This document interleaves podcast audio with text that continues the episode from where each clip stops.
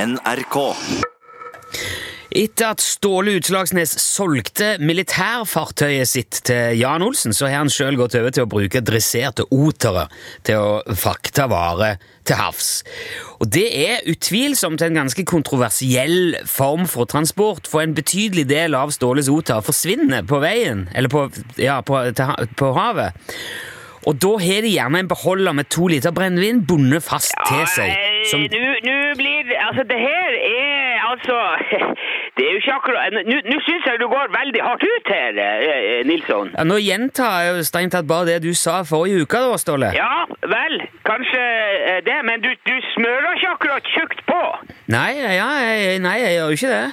Nei, det, det er jo det er fryktelig eh, overdrevet, det, det, du, det du legger f- fram her nå. Hva er, hva er det som er overdrevet Nei, her? altså, det, at det, for eksempel at oterne har eh, to liter brennevin bundet fast til seg. Ja, stemmer ikke det? Nei, de fleste har bare vann i den beholderen. De fleste, det er jo sånne prøvebeholdere som har forsvunnet det meste Ja, ut vel, av det. men det, det spiller jo ikke noen rolle for Otan om det er vann eller sprit. Dette her var vi snakket vi om forrige uke, Ståle. Det var ikke Ja, det som er jeg på. vet det. Er det noen flere otere som er kommet til rette siden sist vi prata, da? Ja, det er faktisk det. Ja vel? Ja, det er flere som har eh, levert på Spritholmen, og som har kommet tilbake til Fettvik. Og jeg, jeg sa jo at vi er inne i en innkjøringsperiode nå, og da, da, da vil det bli litt sving. Det, det er det alltid når det er innkjøringsperiode. Øh, Hvor mange er det som har kommet tilbake, da?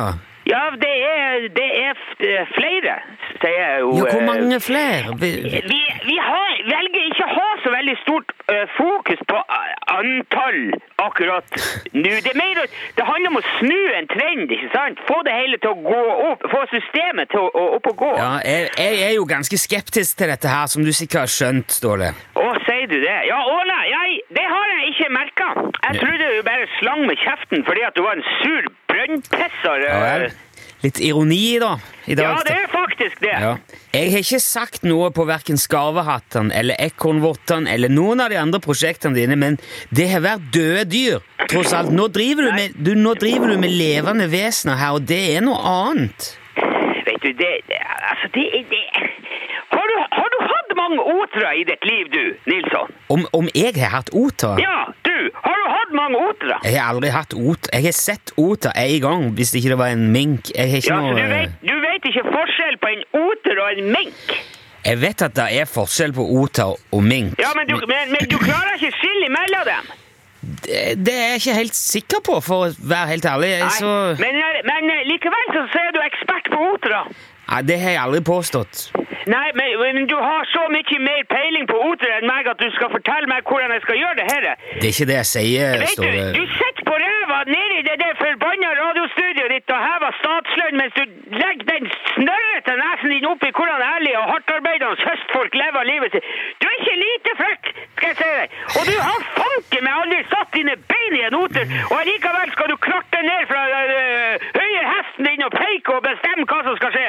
Nå, eh, nå syns jeg du er urimelig, eh, rett og slett. Jeg er, uri jeg, jeg er urimelig. Ja. Men øh, vet du hva urimelig betyr? Ja, jeg gjør det. Ja vel, det var flaks for deg, for du, tre du trenger ikke jobbe livskiten av deg hver dag bare for å få skuta til å gå rundt. Du sitter bare her og flår kjeft. Du kan jo komme opp hit, og så kan du se hvor lenge du klarer deg i den virkelige verden.